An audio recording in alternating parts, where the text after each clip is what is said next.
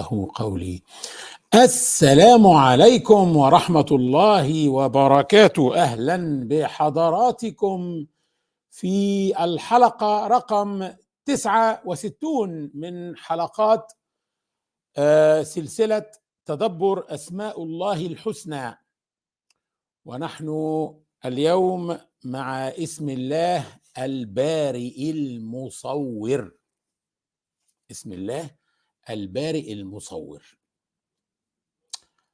قال تعالى ولله الأسماء الحسنى فادعوه بها وذروا الذين يلحدون في أسمائه سيجزون ما كانوا يعملون.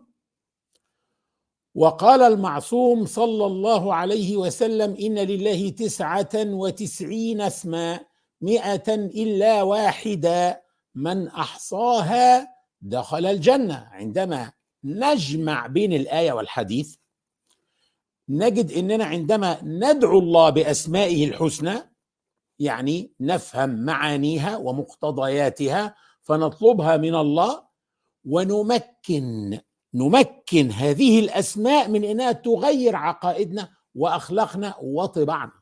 بهذه الطريقة دراسة الأسماء الحسنى تنفع الإنسان وتدخله الجنة.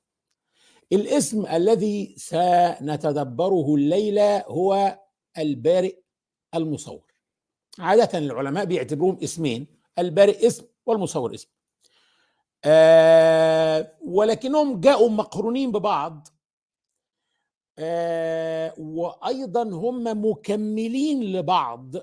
لذلك في رايي الضعيف لا داعي لفصلهما عن بعض. ويمكن اعتبارهم اسم واحد البارئ المصور. أو الخالق البارئ المصور اسم. يعني الخالق اسم. والخالق البارئ المصور أيضا يمكن اعتباره اسم. تعال نشوف كده المرة التي ورد فيها اسم البارئ المصور. في سورة الحشر. قال تعالى أعوذ بالله السميع العليم من الشيطان الرجيم. هو الله الخالق البارئ المصور له الأسماء الحسنى يسبح له ما في السماوات والأرض وهو العزيز الحكيم. البارئ المصور من الأسماء الحسنى التي تندرج تحت معنى الخلق. مثل اسم الخلاق اللي تدبرناه في الحلقة السابقة أيضا يندرج تحت اسم الخلق تحت معنى الخلق. صفة الخلق صفة الله الخلق. والحقيقة أنا أميل إلى أن الاسم هو الخالق البارئ المصور. وأقول لكم ليه. اسم الخالق يحمل عدة معاني. ذكرناها في الحلقة 20 والحلقة 21 معنى خاص بالله وحده ومعنى يشترك فيه الخلق مع الله ومعنى خاص بالخلق فقط ولا يجوز إطلاقه على الله. وشرحناهم بالتفصيل في حلقات اسم الخالق اللي هي 2021 وشرحناهم أيضا باختصار في الحلقة السابقة اللي هي اسم الخلاق. فمش هرجع لهم تاني. لكن الخالق في هذه الآية بمعنى المقدر الذي يقدر خلق المخلوق. زي مثلا ما اليوتيوب بتسمي اللي بيعملوا فيديوهات content creator بالحرف يعني خالق محتوى.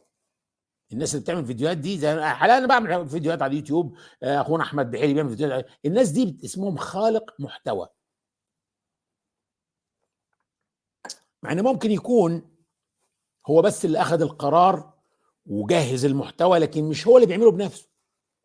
ممكن يكون عنده مصور بيصوره. بيصوروا ممكن يكون عنده مونتير أو editor بيعمل المونتاج. فخالق المحتوى تقدر هو ال decision maker اللي بيتخذ القرار. شايف إن تعالوا مثلا ناخد مثال المقاول اللي بيبني مبنى. واحد عنده شركة مقاولات. بياخد قرار البناء حسب المصلحة. هو شايف إن المبنى ده مفيد في المكان ده هيعرف يسوقه هو بياخد القرار. لكن عنده نوعين من المهندسين. ركز بقى معايا هنا. الكلام اللي بقوله ده على فكرة مش ملوش دعوة بالموضوع ده هو صلب الموضوع. عنده مهندسين معماريين ومهندسين مدنيين. المهندس المعماري ده اللي هو بيسموه الأركيتكت اللي هو اللي هو قاعد بيصمم قاعد في التكييف على اللوحات بيصمم بالمسطرة والمسطرة الحرف تي بالملي بالملي. أي خطأ يخطئه ممكن المبنى ينهار لأنه بيحسب كميات الحديد وكميات الأسمنت والكلام ده. وعنده مهندس تاني بقى اسمه مهندس مدني. ده اللي بينزل الموقع ويقف في وسط العمال والتراب ويشرف على تنفيذ اللي أخوه المهندس المعماري صممه. بيلبس بقى الخوذة بتاعته ويقف في الشمس يشرف على التنفيذ. فالاتنين بيكملوا بعض. والمقاول اللي هو ال decision maker اللي هو صاحب الشركة اللي خد القرار لأنه عارف إن المنطقة دي محتاجة مبنى بالمواصفات دي وده كلام صح ومفيد للشركة أو أو للمنطقة. الآية دي بتذكر أن الله سبحانه وتعالى هو الخالق البارئ المصور هو الله الخالق البارئ المصور. يعني هو اللي فعل كل مراحل الخلق. الخالق اللي قدر الخلق البارئ بمعنى المنفذ اللي برأ المخلوق. وهنشرح معنى البرء بعدين معنى اللغوي هنقول يعني إيه برء. لكن معناها خدها دلوقتي ان معناها المنفذ. خلاص؟ والمصور يعني الذي صمم التصميم الداخلي والتصميم الخارجي. فأعطى الصورة النهائية الشكل النهائي الداخلي والخارجي اللي عليه المخلوق ده الشكل الداخلي والشكل الخارجي. لو أخذنا مثلا نوع واحد من المخلوقات الإنسان هناك تصميم للدورة الدموية داخل الإنسان والشعيرات الدموية اللي بتوصل الدم لمعظم جسد الإنسان. العضو اللي لا يصله الدم ممكن يتعفن ويعمل غرغرينة ويبقى سبب في موت الإنسان. لكن في أماكن في جسم الإنسان لا يصلها الدم وليس فيها حتى مراكز إحساس زي مثلا الشعر الأظافر. أنتم متخيلين؟ لو كانت الأعضاء دي الشعر والأظافر فيهم مراكز إحساس وفيهم دم كانت تبقى مصيبة. دي دي دي دي أعضاء بتطول والإنسان بيحتاج عشان ينظف نفسه إن هو يقصها. يبقى كل ما نيجي نقص شعرنا عند الحلاق نحتاج طبيب بنج يدينا بنج كلي. أو نقص ضوافرنا محتاجين بنج كلي. لا. فمين اللي صمم ده؟ المصور. اللي عمل جهاز تصميم جهاز الإبصار. الضوء يا جماعة بيقع على الشيء أو الجسم اللي أنت بتشوفه ثم بينعكس على القرنية فالجسم في القرنية مقلوب ثم بيوصل لمكان اسمه مركز الإبصار في الجمجمة في في قفا الإنسان يعني في قاع الجمجمة في آخر نقطة في ظهر المخ مخ الإنسان. وفي المكان ده بتتقلب الصورة فالإنسان بيشوف الصورة معدولة. مين اللي صمم ده؟ المصور. المصور. تخيل إن أنت كل الصور المضيئة الملونة الجميلة اللي بتشوفها دي بتشوفها في مكان في راسك لم يرى النور ابدا. أكتر أكتر أكتر نقطة مظلمة في جسمك كله داخل الجمجمة. إلا بقى لو أنت بقى عملوا لك عملية في المخ مرة وفتحوا لك الجمجمة بتاعتك فدخل النور مرة. لكن غير كده لا هو ده لم يدخله ضوء. وفي المكان المظلم ده أنت بتشوف هذا ال ال الصور الملونة الجميلة اللي أنت بتشوفها يعني. يبقى الله سبحانه وتعالى هو الخالق البارئ المصور. لذلك إحنا ترجمناه في ترجمة جسور إيه بقى؟ ترجمة جسور.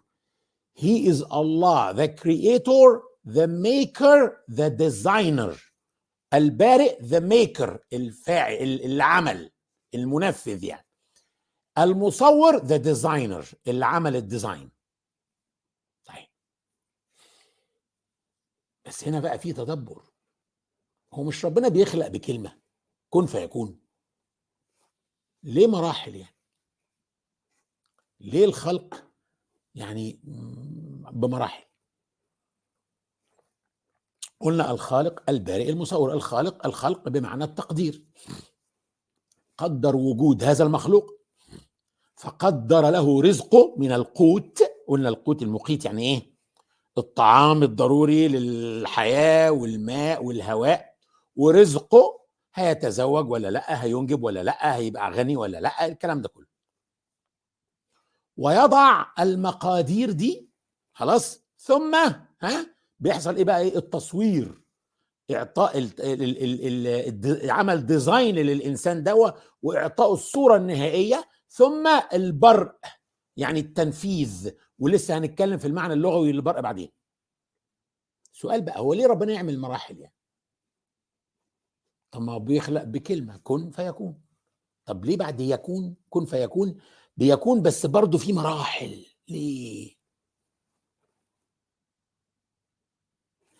لأن هو ده تأثير الأسماء الحسنى علينا.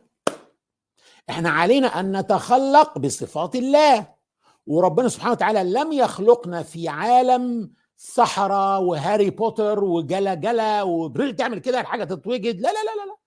الأمور في الدنيا تقضى بالأسباب وبالم... وبمراحل وبتدرج. لذلك من مقتضيات الإيمان باسم الخالق البارئ المصور إن الإنسان يخطط جيدا قبل أي عمل يدرس جدوى هذا العمل مش يهمل دراسات الجدوى ويفتكرها شطارة ثم يبدأ التنفيذ ويراجع شغله ليظهر الشغل في صورة لائقة بعبد من عباد الله الخالق البارئ المصور. أما الإنسان اللي لا يدرس مشروعاته إنسان فاشل ومصيره لابد أن يكون الفشل. اسم البارئ ورد مرتين في القرآن الكريم. قال تعالى في سورة البقرة فتوبوا إلى بارئكم فاقتلوا أنفسكم. ذلكم خير لكم عند بارئكم فتاب عليكم. وطبعا أيضا ورد في الحشر. هو الله الخالق البارئ المصور له الأسماء الحسنى. طيب. لكنه البرء ذكر أيضا كفعل من أفعال الله. ذكر كفعل. قال تعالى في سورة الحديد ما أصاب من مصيبة في الأرض ولا في أنفسكم إلا في كتاب من قبل أن نبرأها. إن ذلك على الله يسير. نبرأها يعني يبرأ الأنفس. النفس دي قبل ما يبرأها كان مكتوب كل شيء هيحدث لها في الدنيا من مصائب أو غيره. فالبرء البرء بقى هو تخلص شيء من شيء. برئ المريض من مرضه يعني تخلص من المرض. خرج من مرحلة المرض. برئ من الحمى يعني تخلص من الحرارة. المتهم بالسرقة بريء من التهمة. يعني تخلص من الاتهام برئ من التهمة. اذا البارئ يبرأ المخلوق المحسوس لأنه بينفصل بيه عن باقي المخلوقات. فيقول تعالى في سورة البينة إن الذين آمنوا وعملوا الصالحات أولئك هم خير البرية. ليس كل مخلوق مبروء. إزاي؟ المشاعر اللي في القلوب مثلا شعور الحب مثلا موجود. مين خلقه؟ ربنا خلق شعور الحب في قلوب الناس وفي قلوب الحيوانات. لكنه ليس شيئا محسوسا وبالتالي ملوش صورة. فلا نقدر نقول عليه مبروء ولا نقدر نقول عليه مصور. خلاص؟ اسم المصور يعني من يعطي الصورة. والصورة خاصة للمخلوق المبروء المحسوس. بالتالي البارئ لما خلق الحيوانات ما خلقهاش كلها نوع واحد. لا ده برأها يعني فصلها عن بعضها طلعها عن بعضها كده. فالحيوانات أنواع. وانتوا فاكرين دي دي مش حاجة بسيطة. هي الموضوع الحيوانات دي مش كلاب وقطط وخيول وخلاص. لا لا لا لا لا. بص البارئ برأها إزاي؟ العلماء قسموا أنواع الحيوانات بالتدرج بقى. إلى أول نوع نوع اسمه الإسفنجيات. أجيب لكم أنا مناظر دلوقتي السبونج. ها؟ دي أنواع مبروءة. اللي هي الإسفنجيات. بعدها الدرجة الأعلى منها اسمها اللاسعات. اللاسعات زي إيه؟ زي الجيلي فيش. اسم ده نوع أعلى من الإسفنجيات. ده اللي بيلسع اللاسعات. بعدها بيجي ال ال ال الزهريات الشعاعية. حاجة حاجة حاجة في منتهى الروعة. هوريكم فيديو. بصوا الجمال. الزهريات الشعاعية.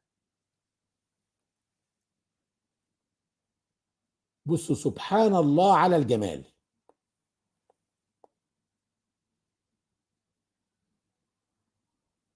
حاجة آخر دلع وآخر مياصة يعني. بص بص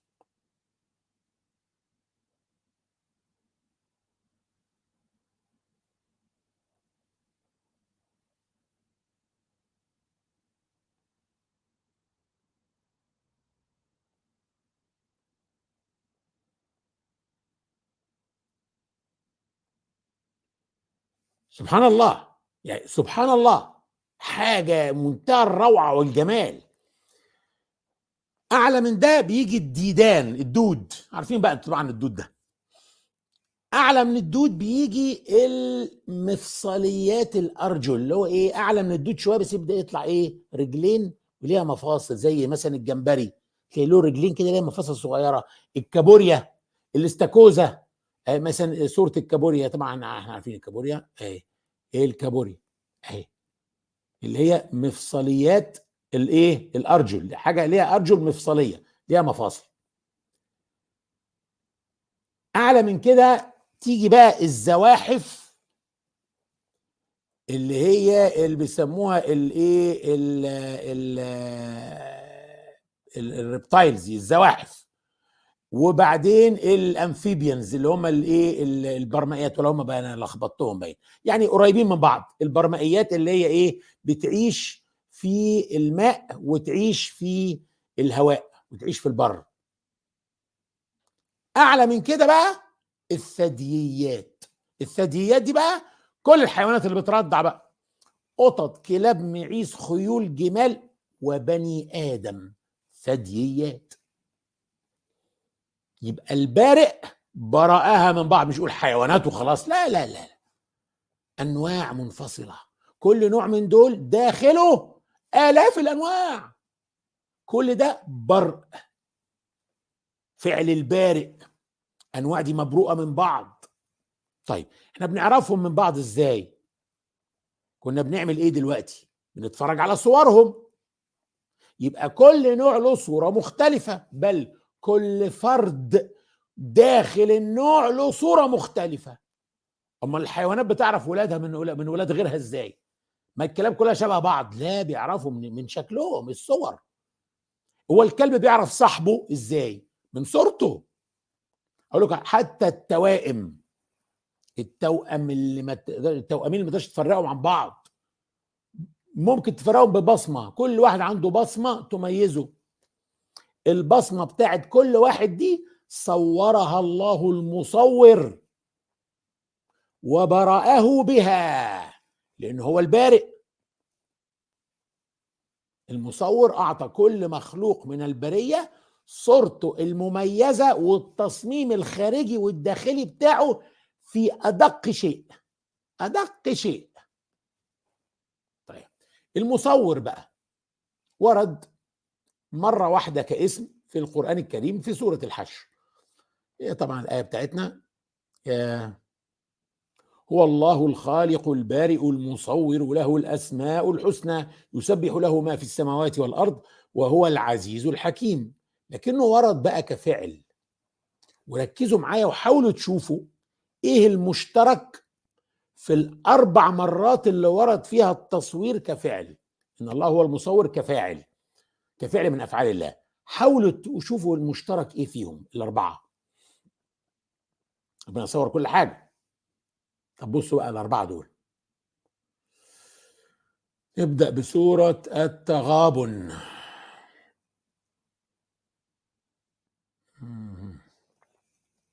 خلق السماوات والأرض بالحق وصوركم فأحسن صوركم وإليه المصير.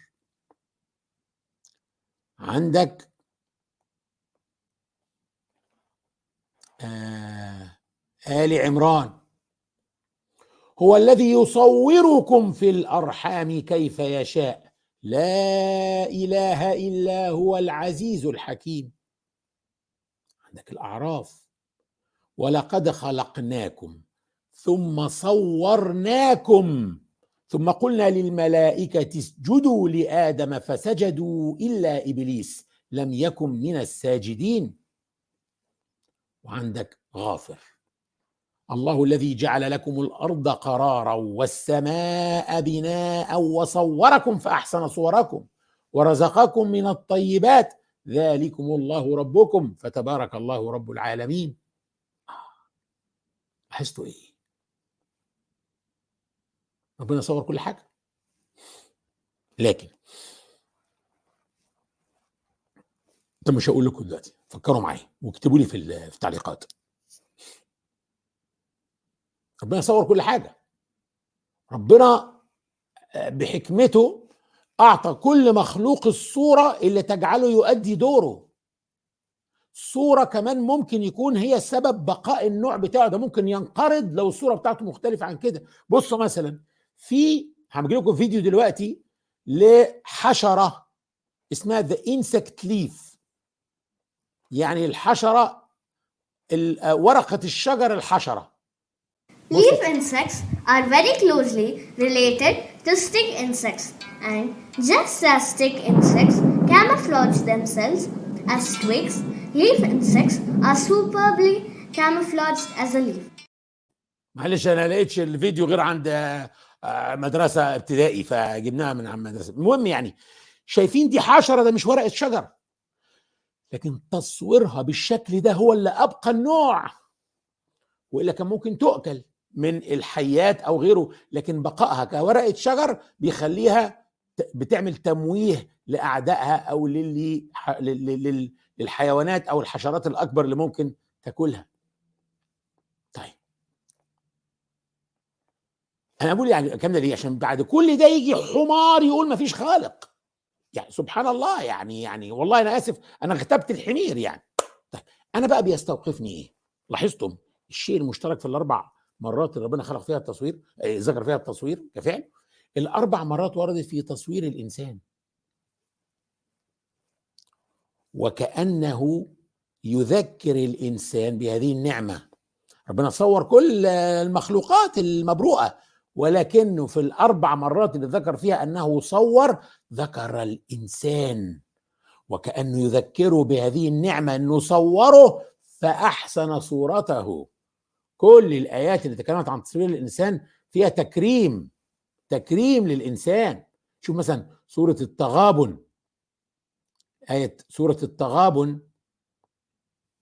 خلق السماوات والأرض بالحق وصوركم فأحسن صوركم. بص يا جماعة أصل البني آدم ربنا كرمه لمجرد إنه بني آدم حتى لو مش مؤمن. مجرد إنه بني آدم. ولقد كرمنا بني آدم وحملناهم في البر والبحر ورزقناهم من الطيبات وفضلناهم على كثير ممن خلقنا تفضيلا. مجرد إنه بني آدم ربنا كرمه.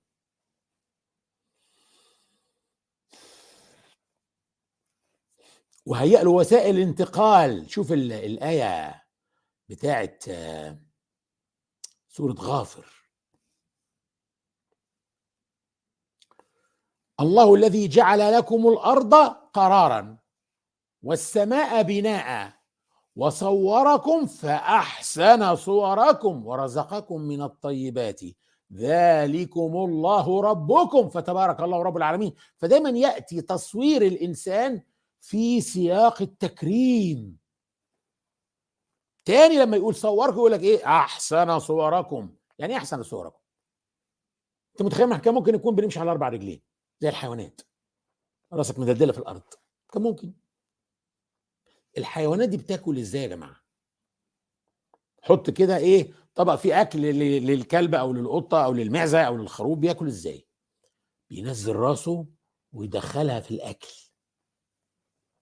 إنما أنت ربنا صورك بطريقة تجعلك معدول ماشي على قدمين مش على أربعة وراسك لفوق مم؟ عايز تاكل بتمد إيدك بتجيب اللقمة وتجيب اللقمة لغاية راسك وراسك مرفوعة بتاكل مش بتنزل راسك في الطعام كالحيوان شوف ربنا في سورة الإنفطار بيقول إيه يا أيها الإنسان ما غرك بربك الكريم. هنا النبي صلى الله عليه وسلم توقف وقال جهله. جهل الإنسان هو الذي غره بربه الكريم. فربنا بيقول له الذي خلقك فسواك فعدلك. في أي صورة ما شاء ركبك. كان ممكن يركبك في أي صورة لكنه عدلك. عدلك ماشي معدول ماشي على رجلين. مش على أربعة رافع راسك فوق حتى وأنت بتاكل وبتشرب راسك فوق. ليه؟ مع انه كان ممكن في أي صوره ما شاء ركبك. خلقك في صوره مكرمة عشان ما تسجدش إلا له هو. خلي بالك ده لما صورك كده أمر الملائكة بعد كده بالسجود ليك. ولقد خلقناكم كلكم ثم صورناكم. شوف الصورة المكرمة دي ها؟ ثم قلنا للملائكة اسجدوا لآدم فسجدوا إلا إبليس لم يكن من الساجدين. طبعا تدبرنا القصة دي كتير قصة الخلق دي قلنا أهم قصة في القرآن الكريم. لكن بعد كل ده يجي ناس بدل ما تشكر الله تتكبر على الله وتذل نفسها فتسجد لصنم. أو لإنسان قوي أو لإنسان غني أو لإنسان صاحب سلطة أو لراقصة أو لشهوة أو عبودية الإنسان لله هي التي تحرره من عبودية كل شيء آخر.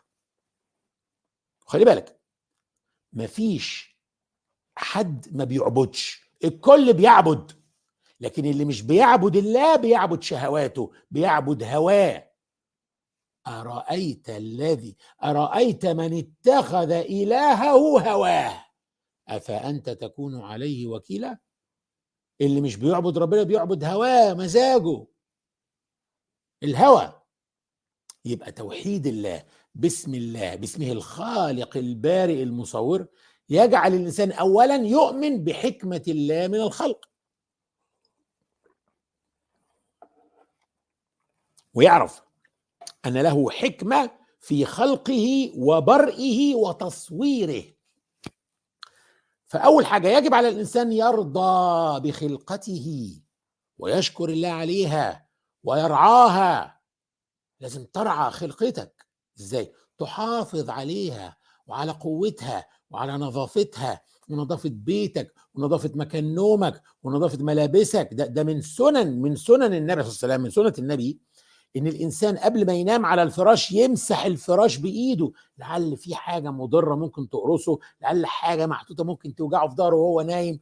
بتمسح الفراش بإيدك. أنا شفت مرة المربي بتاعي كنا مسافرين فشفته كده بالليل بيحط النضارة بتاعة النظر نضارة النظر بتاعة واحد مننا على الفراش بتاعه والدنيا ضلمة.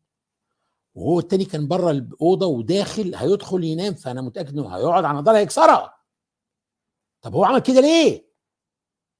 هو بيعمل تيست يشوف بيعمل السنة ولا لأ. السنة إنه يمشي بإيده على الفراش. لو مشي بإيده هيلاقي النضارة. ما مشيش بإيده هيقعد عليها هيكسرها يستاهل. سبحان الله. فبصوا سنن الفطرة إيه؟ كلها نظافة كلها زينة. عن عائشة رضي الله عنها. قالت قال رسول الله صلى الله عليه وسلم عشر من الفطرة قص الشارب. يعني الواحد يقصر إيه؟ الشارب مش يبقى ال- الشعر ال- ال- الشوارب ده طويل كده وداخل جوه البق اللي ساكن هو بياكل كده. وإعفاء اللحية إن إيه؟ إنك تطلع ما ما ما تحلقش لحيتك. إعفاء اللحية يعني إنك بتترك اللحيه تترك الشعر يطلع. والسواك السواك يعني تنظيف الأسنان ده معنى السواك. يعني اللي, بي... اللي بيغسل بفرشة ده سواك عشان تبقوا عارفين. وطبعا دي أنا شرحتها يعني مش إن شاء الله موجودة. أنا أنصح بكتاب كيف نتعامل مع السنة النبوية المطهرة للشيخ يوسف القرضاوي. آه، أبو حنيفة الإمام أبو حنيفة بيقول أس أت أت أس السواك يحصل بالسواك وبال وبالعود وبالأظافر وبالخرقة. أي حاجة بتنظف بيها أسنانك ده اسمه تسوق خلاص؟ المهم والسواك. والاستنشاق بالماء. إنك تستنشق النبي صلى الله عليه وسلم عادة كان يأمر بالإعتدال وعدم المبالغة. إلا في أشياء قليلة جدا منها الاستنشاق بالماء. إنك تبالغ في إدخال الماء جوه مناخيرك وبعدين تستنثر. دي حلت عندي مشكلة. قعدت سنوات مش عارف أعملها مش عارف مش عارف أعالجها وهي كانت عندي جيوب أنفية. لما نفذت سنة الاستنشاق بالماء اختفت الجيوب الأنفية. لأنه بتدخل المية جوه في القنوات دي اللي فيها أشياء ناشفة بقالها سنين عامله لك التهابات جوه. فانت بتنظف القنوات اللي بين مناخيرك وعينيك ودانك وقص الاظافر لازم الاظافر تكون مقصوصه ونظيفه. الواحد أحيانا بيشوف ناس ضوافرهم مش نظيفه وطويله ليه كده؟ يا جماعة إحنا مسلمين لا يليق انك تبقى كده. غسل البراجم اللي هي الاماكن اللي بيبقى إيه المية عاملة زي تحت الإبط والأماكن اللي هي إيه اللي الجلد بيبقى متني عليها. يعني الأماكن زي بين الوراك الحتة دي. ماشي؟ نتف الإبط. الواحد لازم يزيل الشعر بتاع الإبط. وحلق العانة أيضا شعر الأماكن الحساسة. وانتقاص الماء يعني الاستنجاء بالماء. خلاص؟ آه والراوي بتاع الحديث بيقول قال مصعب بن شيبة ونسيت العاشرة إلا أن تكون المضمضة. والمضمضة. طيب يعني كلها حاجات نظافة وزينة. يبقى من مقتضيات اسم الخالق البارئ المصور إني أحب الله حب الله. لأن هو اللي خلقني كده وأرضى عن خلقتي. وأتأمل في جمال وإتقان خلق الله. بالتالي لزيادة إيمانك يجب أن تتأمل في خلق الله في الطبيعة وفي المخلوقات كلها. إحنا في دورة التربية الإيمانية بندي واجب يوميا آه ال ال ال التدبر القرآن المسطور الذي في السطور القرآن اللي بنقرأه 60 دقيقة كل يوم نص ساعة الصبح نص ساعة بالليل. وتدبر القرآن المنظور المنظر اللي ورايا ده السماء. الزرقاء السحب البيضاء ال- ال- الشجرة وراها خلفية سماء ال- الماء ال- ال- الحيوانات البط الوز أي حاجة ربنا خلقها تتدبر فيها وتشوف جمالها مينيمم ربع ساعة كل يوم. ده يزود إيمانك. خلاص طيب. الأمر الثاني بقى عدم الانتقاص أو السخرية من خلق الله. ربنا سبحانه وتعالى يا جماعة في ناس ممكن يكون شكلها جميل وناس تانية شكلها أقل جمال في ناس شكلها مش حلو أصلا. ربنا بيقول يا أيها الذين آمنوا لا يسخر قوم من قوم عسى أن يكونوا خيرا منهم ولا نساء من نساء عسى أن يكن خيرا منهن. ما ينفعش إنسان يسخر من إنسان لأن ده معناه كونك بتسخر من حد يبقى أنت شايف نفسك أحسن منه. طبعا معقول هتسخر من إنسان أحسن منك. لا أنت هتسخر من إنسان. أقل منك. يبقى ده ده في حد ذاته كبر. كده تكبرت. تكبرت عليه. والمفروض إنك لما تشوف أي مسلم لا تعتبر نفسك أفضل منه في شيء. لو ما كانش الإنسان ده اللي بيسخر شايف نفسه أفضل ما كانش ساخر. يبقى ده كبر. والنبي عليه الصلاة والسلام حذر وقال إيه؟ لا يدخل الجنة. من كان في قلبه مثقال ذرة من كبر. احذر إنك تسخر من حد. لو شعرت بالرغبة في السخرية من شكل إنسان تذكر إيه؟ هو الذي يصوركم في الأرحام كيف يشاء. لا إله إلا هو العزيز الحكيم. ربنا عزيز وحكيم وهو اللي صور الإنسان اللي أنت شعرت إنك هت- هتسخر منه ده. فالإنسان اللي شكله مش حلو ده ملوش ذنب. أمال ده إيه؟ ده ابتلاء له وليك. له هو. هيرضى وليك. هتسخر أم ستحمد الله؟ بيقول لك أحد يعني رجل قال لإنسان حكيم يا قبيح الوجه فقال الحكيم ما كان خلق وجهي إلي فأحسنه. والله مش أنا اللي خلقته عشان أخليه أحسن من كده. فالعلماء اعتبروا إن من ذم الخلق ذم الخالق طالما هو اللي خلق. ويروى عن النبي صلى الله عليه وسلم كل خلق الله عز وجل حسن. يبقى يجب أن نرى الجمال في كل شيء خلقه الله. هذا والله أعلى وأعلم. اللهم أنت ربنا خلقتنا ونحن عبيدك وإماؤك وأبناء عبيدك وإمائك نواصينا بيدك. ماض فينا حكمك عدل فينا قضاؤك. اللهم ربنا رب السماوات ورب الأرض ورب كل شيء ومليكه. ورب كل شيء ومليكه فالق الحب والنوى. منزل التوراة والإنجيل والقرآن العظيم. نعوذ بك من شر كل دابة أنت آخذ بناصيتها. أنت الأول فليس قبلك شيء وأنت الآخر فليس بعدك شيء وأنت الظاهر فليس فوقك شيء وأنت الباطن فليس دونك شيء. اقض عنا الدين وأغننا من الفقر. اللهم أنت الله لا إله إلا أنت أنت الغني ونحن الفقراء إليك. اللهم أغننا بالافتقار إليك ولا تفقرنا بالاستغناء عنك. نعوذ بك من الفقر إلا إليك ومن التذلل إلا بين يديك. اكفنا بحلالك عن حرامك وأغننا بفضلك عمن سواك. اللهم ما أمسى بنا من نعمة أو بأحد من خلقك فمنك وحدك لا شريك لك. فلك الحمد ولك الشكر. يا ربنا لك الحمد كما ينبغي لجلال وجهك وعظيم سلطانك.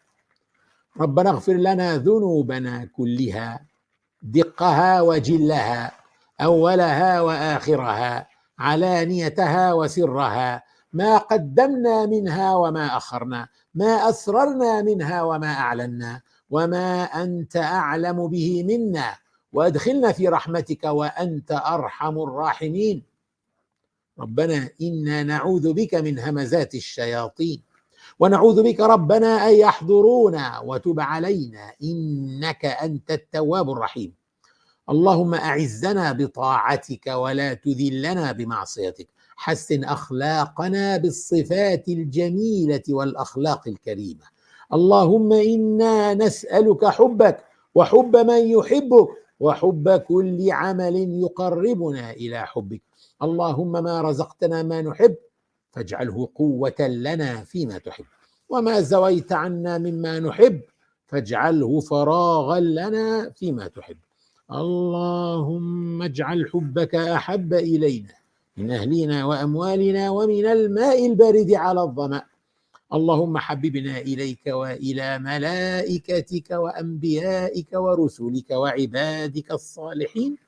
واجعلنا ممن يحبك ويحب ملائكتك وأنبياءك ورسلك وعبادك الصالحين. اللهم أحيي قلوبنا بحبك. واجعلنا لك كما تحب. اللهم اجعلنا نحبك بكل قلوبنا ونرضيك بكل أجسادنا. اللهم اجعل حبنا كله لك وسعينا كله في مرضاتك. اللهم اجعلنا ممن أحصوا أسماءك الحسنى وبلغتهم بها جنتك. اللهم اجعل القرآن الكريم رابع قلوبنا ونور صدورنا وجلاء أحزاننا وذهاب همومنا وغمومنا ومغفرة ذنوبنا. أسأل الله العلي العظيم أن يجعل هذا التدبر في ميزان حسناتي وحسناتكم جميعا. اللهم فاطر السماوات والأرض عالم الغيب والشهادة. أنت تحكم بين عبادك فيما كانوا فيه يختلفون. فبحق كل حرف في كتابك تلوناه أو تدبرناه. اكفنا وأهلينا وإخواننا وأخواتنا شر كل من يكيد لنا ولهم. واحفظنا وإياهم من شرورهم ونجعلك اللهم في نحورهم فأنت الوكيل ولا حول ولا قوة إلا بك. اللهم بحق كل حرف في كتابك تلوناه أو تدبرناه. أيد بنصرك المرابطين في الأرض المباركة فلسطين. يا حي يا قيوم برحمتك نستغيث. يا حي يا قيوم برحمتك نستغيث. يا حي يا قيوم برحمتك نستغيث. اللهم سدد رميهم وخيب رمي عدوهم. اللهم سدد رميهم وخيب رمي عدوهم. اللهم سدد رميهم وخيب رمي عدوهم. اللهم إنك إن تنصرهم تنصر أولياءك على أعدائك. اللهم انصر أولياءك على أعدائك.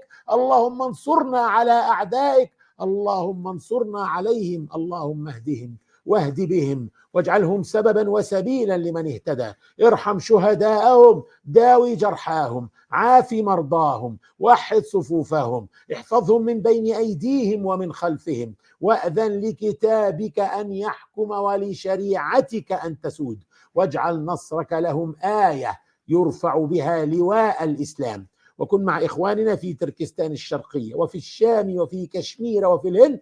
انصر من نصرهم. واخذل من خذلهم. وطهر المسجد الأقصى من الدنس فإنهم لا يعجزونك اللهم احفظ المسلمين من الزلازل والغرق والهدم والأمراض. اللهم يا من جعلت النار بردا وسلاما على إبراهيم. اجعل السجن بردا وسلاما على عبادك المأسورين وإمائك المأسورات. آنس وحشتهم. عجل بفرجهم. أحسن خلاصهم. فرج كربهم. كن مع المبتلين من عبادك المهجرين من ديارهم.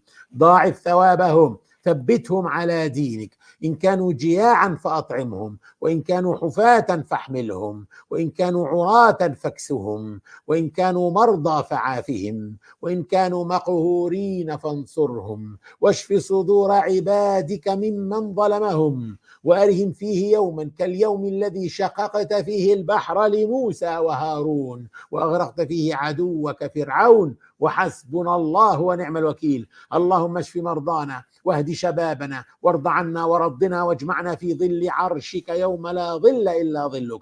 اسقنا من يد سيدنا محمد شربة هنيئة لا نظمأ بعدها أبدا. لا تحرمنا لذة النظر إلى نور وجهك الكريم. اللهم إنك تعلم أن هذه القلوب قد اجتمعت على كتابك وعلى محبتك. والتقت يا ربنا على طاعتك. وتوحدت على دعوتك وتعاهدت على نصرة شريعتك. فوثق اللهم رابطتها وأدم ودها واهدها سبلها واملأها بنورك الذي لا يخبو واشرح صدورها بفيض الإيمان بك وجميل التوكل عليك. وأحيها يا ربنا بمعرفتك وأمتها يا مولانا على الشهادة في سبيلك. إنك نعم المولى. ونعم النصير. وصلى اللهم وسلم على سيدنا محمد. ونراكم الأسبوع القادم بإذن الله. السلام عليكم.